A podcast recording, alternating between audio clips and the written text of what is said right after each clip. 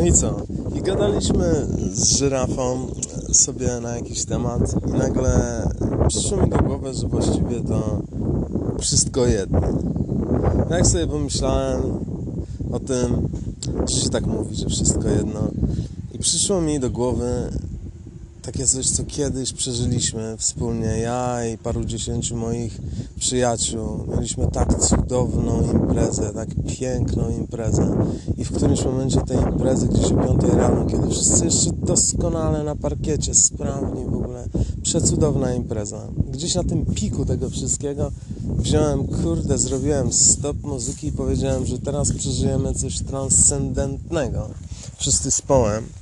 I Wziąłem, podłączyłem projektor na szybciora do komputera, wrzuciłem tam e, YouTube'a i wrzuciłem kawałek, który nazywa się We Come One. Fateless to robi. I teledysk do tego jest po prostu czymś cudownym. Siedzieliśmy tam, gapiliśmy się na ten teledysk, słuchaliśmy tej pięknej muzyki to wszystko jeszcze w nas, o, tak się tam działo.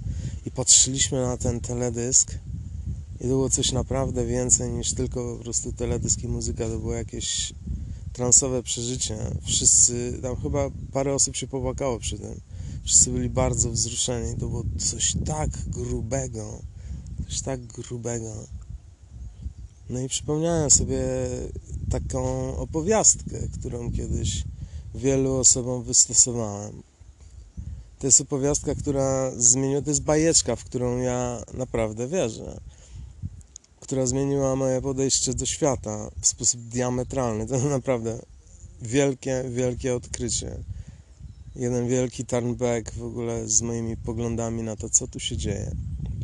Dobra, dobra, koniec tej reklamy. Może przejdę do. Eee, do tego, o czym zamierzam powiedzieć. Zamierzam powiedzieć o tym, że drogą do jakiegokolwiek Boga, do olśnienia, do czegoś takiego, e, drogi są różne, to jest pewne.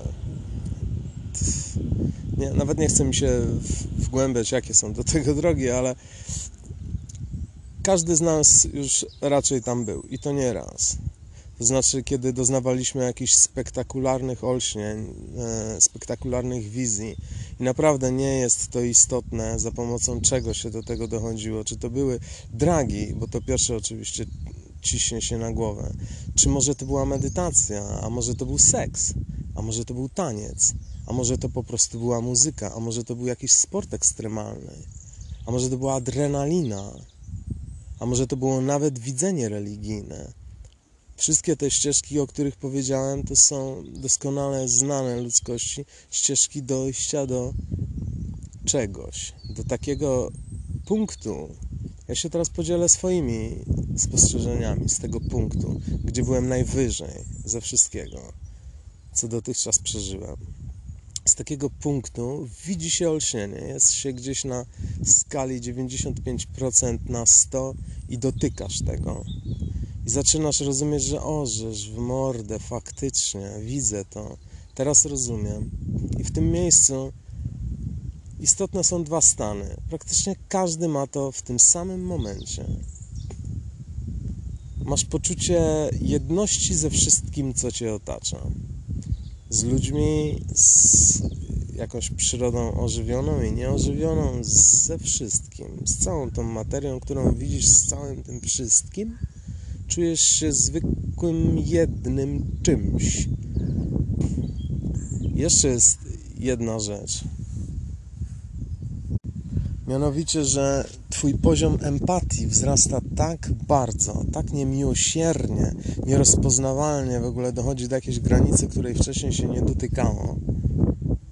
Twój poziom empatii wzrasta na tyle, że jesteś w stanie praktycznie przenieść się swoim umysłem w odczucia, w emocje, te, które przeżywa jakaś inna osoba.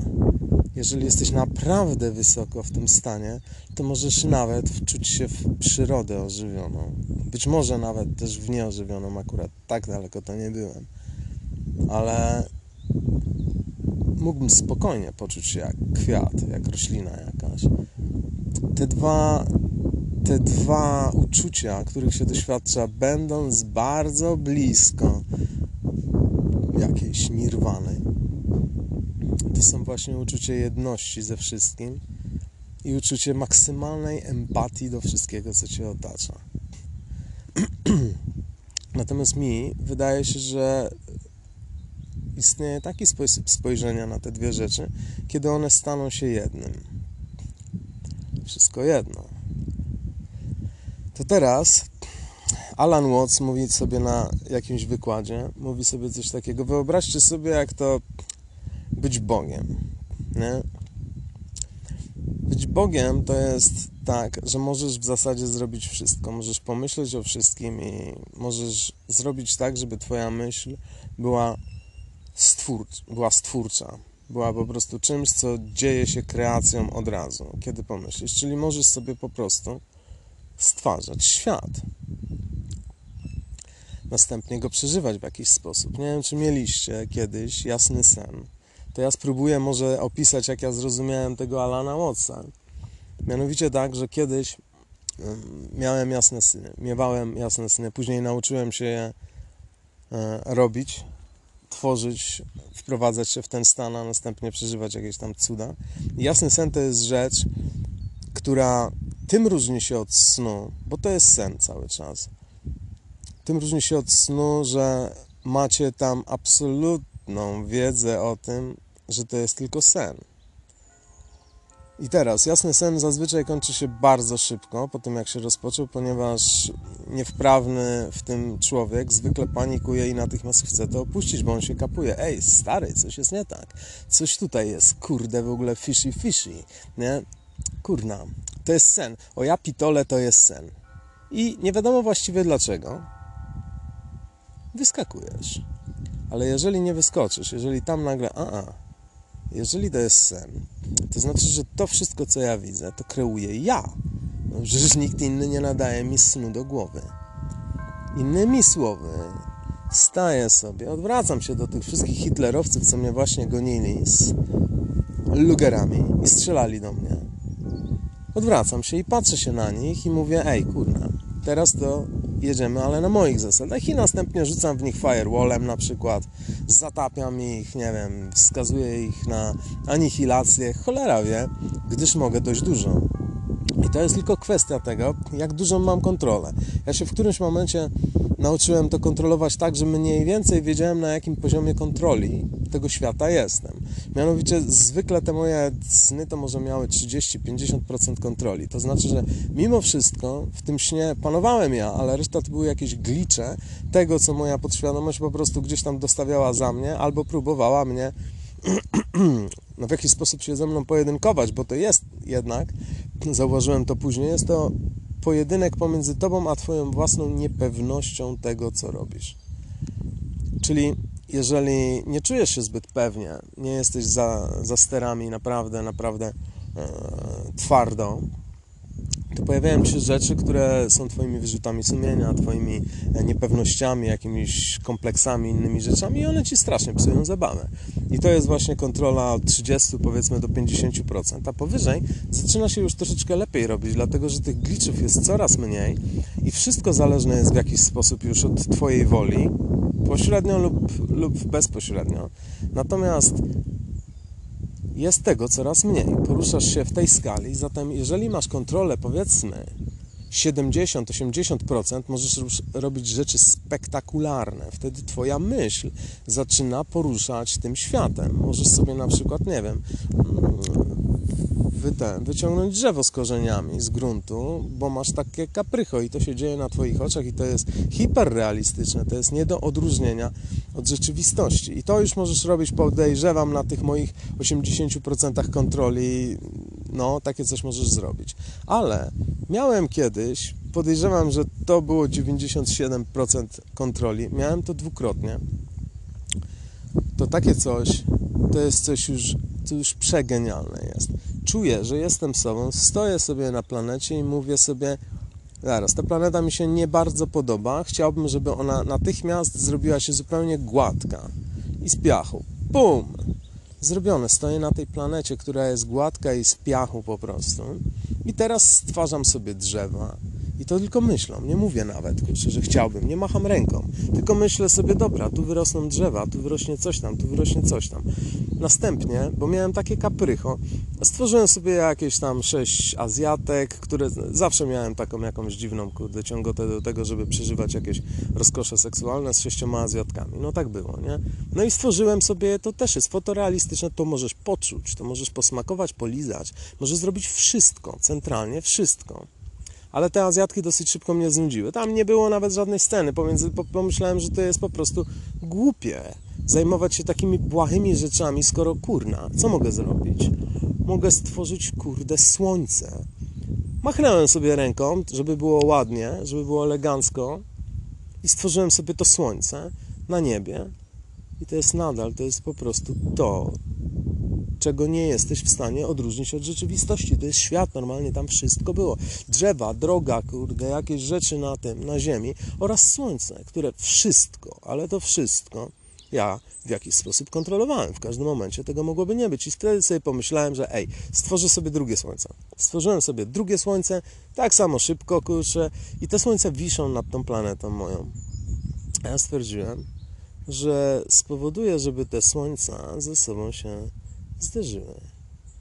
I głową, tylko myśląc o tych dwóch słońcach, zacząłem je do siebie przybliżać, tak żeby po prostu zderzyły się centralnie przede mną, wysoko, wysoko nade mną. A ja stałem tam jak ten właśnie jakiś dziwny, kurde, czarodziej i zderzałem ze sobą dwa słońca.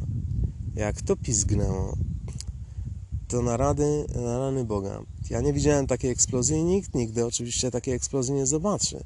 Ale jakie to było piękne, to było takie kosmiczne, uniwersalne pierdut. To było, to wyglądało jakby zderzyły się jakieś dwie kolosalne fale, jakieś meduzy świateł. I to była taka eksplozja, że cały ten syf materii, kurna, ta supernowa strzelała mi po prostu w ryj. Ja stałem podczas tej eksplozji i myślałem sobie, że przecież ja nie mam ciała, ja nawet nie wiem, czy ja jestem wielki, czy ja jestem mały.